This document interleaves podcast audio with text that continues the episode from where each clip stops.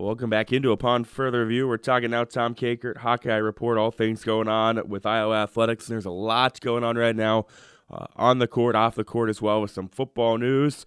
And Tom is just the guy for all that information. Tom, how are things going this morning? Uh, busy, busy as usual.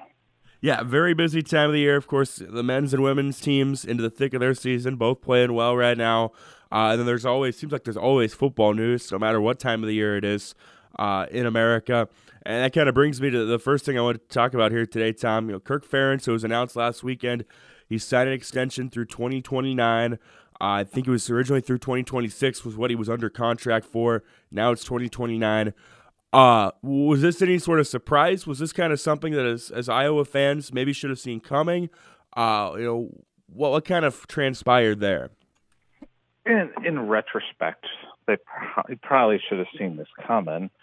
Um, it's you know it's a recruiting thing is really what it is, and um, especially with Kirk being in completing his 23rd year, um, you know that the the people who they recruit against were using that against Iowa that he was going to retire, that well, he didn't he wouldn't be there for your full five years. In fact, I remember talking to um, five star safety Xavier Nwankpa about that uh, and how that was one of the questions that, that he and his family had was would Kirk and his staff be there for his time at Iowa, and he assured him that he would. So, um, yeah, it, that's basically what it was. And also, we've seen these, uh, you know, salaries skyrocket for coaches. And you know, one time, you know, Kirk was always on that most overpaid list, and now, you know,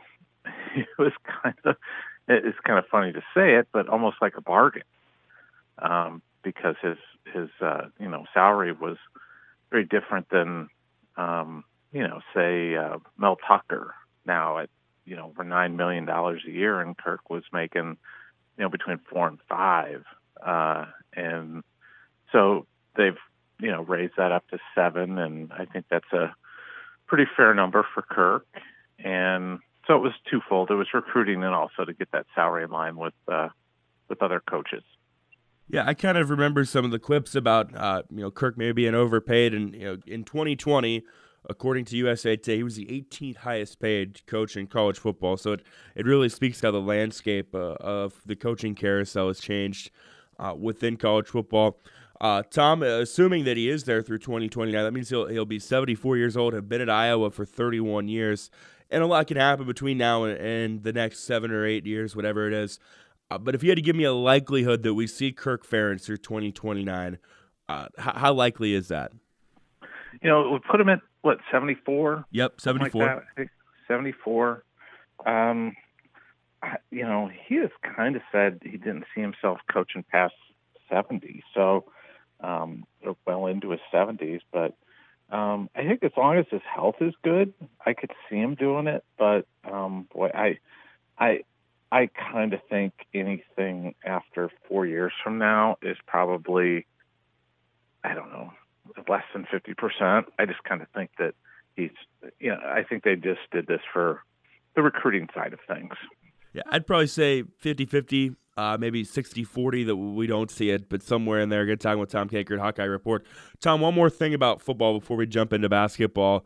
Uh, a couple days after the extension, uh, it was announced that you know they dissolved the leadership council, and you know when it first happened, my first thought was you know the optics of it don't look great.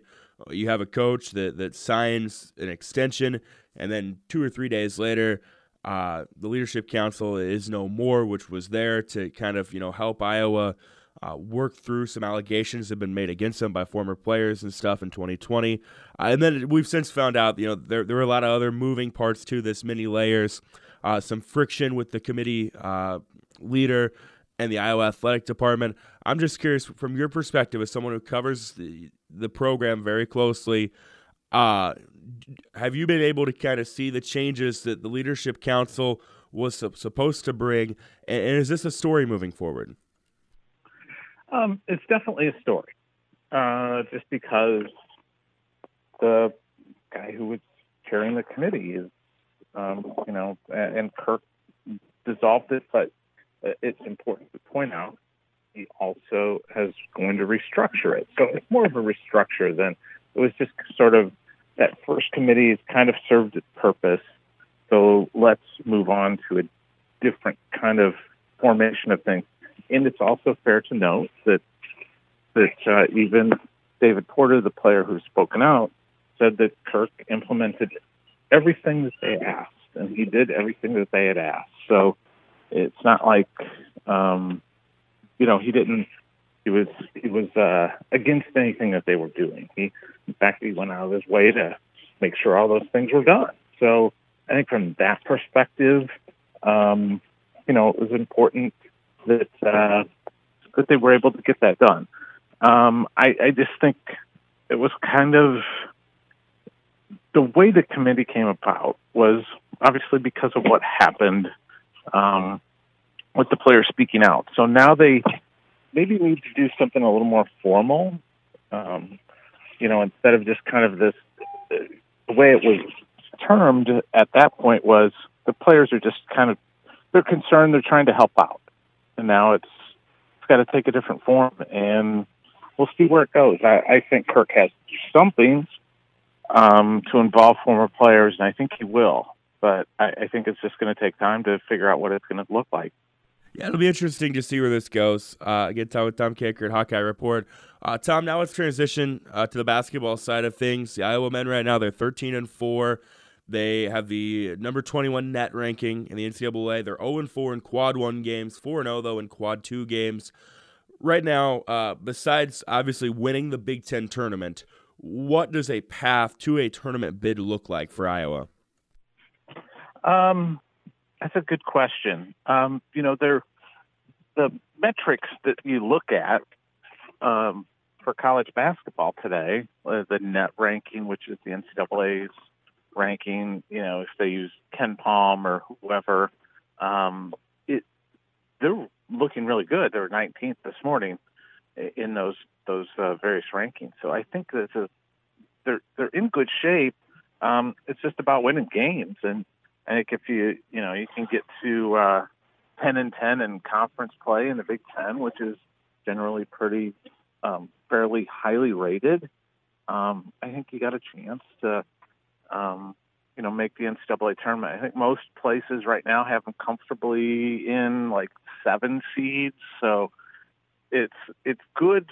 But you know, if you go on a little skid, you could you could be down there to that. Uh, that bubble range. I always thought this team was kind of a bubble team, so they've in some ways exceeded expectations uh, from from my perspective at, at, this point in the year. Let's see bracketology right now. Joe Lunardi uh, had him has him as a seven seed right now. Uh, so yeah, you're pretty spot on with that. No surprise. Uh, so aside from Keegan Murray, when you look at this Iowa team, you know, Keegan Murray's been fantastic. Obviously, one of the best scorers in the nation right now. Aside from him, who do you feel is the most important piece for Iowa down the stretch? Is it the, the senior veteran presence of Jordan Bohannon? Is it Kris Murray getting more consistent with his scoring? Uh, where is the kind of the glue guy for Iowa over the course of the next 10 games or so if they're going to put themselves in a good spot to get a tournament bid? That's a really great question. And, um, you know, there's a couple directions you could go with this. I, I, I kind of always think that the second to, when Iowa plays their best games generally, um, Patrick McCaffery's in the mix in that. So I always kind of think about Patrick just because he's um, the guy at the head of that press a lot of the time and, and you know, kind of creating some things. And then when he goes well, Iowa goes well. Uh, so I would throw him in there. I'd also maybe mention Filip Rebraca um, because there's just so many good big men in the conference. And he played his best game uh, as a Hawkeye uh, against Minnesota, and uh, if they can get more from him moving forward, I think that's going to really help them out uh, as they go against you know the Purdue's and um, you know teams like that that have uh, Michigan, I- Illinois, teams that have those really outstanding big men.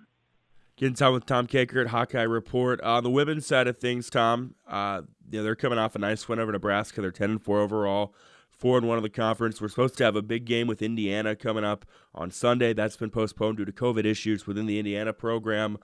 But what have you seen from that program and what you've been able to watch that's kind of stood out to you uh, as we get to the downhill stretch of the season? Yeah, the the biggest thing is they just keep having various COVID pauses. They had their own COVID pause right around Thanksgiving, and uh, that led to them not being able to go on their trip to Cancun. Um, and then you've got uh, the various Big Ten teams that have had these pauses, and they're trying to get those games rescheduled, and it's going to get dicey to try to get some of those games in now, um, just because um, you're going to run out of time and open dates that are going to work for for both schools. So, like this Indiana game, yeah, I mentioned um, to somebody yesterday. Uh, boy, if I'm Lisa Bluder, I'm going to the Big Ten. If if you can't get that Indiana game in and say, you know, we're playing Indiana later in the year and it's supposed to be in Bloomington. Why can't we get that game in Iowa City instead now? Because it's not our fault. And we're going to lose a Sunday gate, which would have been a really nice turnout at Carver Hawkeye for a, an Iowa ba- women's basketball game.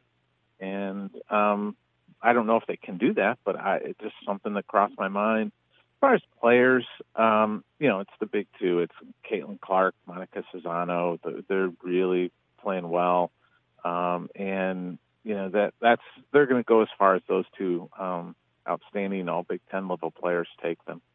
It's to be fun to monitor them as the season goes along as well. Uh, I, I, personally think in the state of Iowa, when it comes to women's college basketball, we are we're really spoiled with those two, and then you've got the Jones sisters and Lexi Donarski at Iowa State. Uh, fun times uh, in basketball here in the Hawkeye States. Tom Kakert, Hawkeye Report. Tom, always a pleasure. Thank you very much, and enjoy the rest of your day. Okay, thanks for having me on.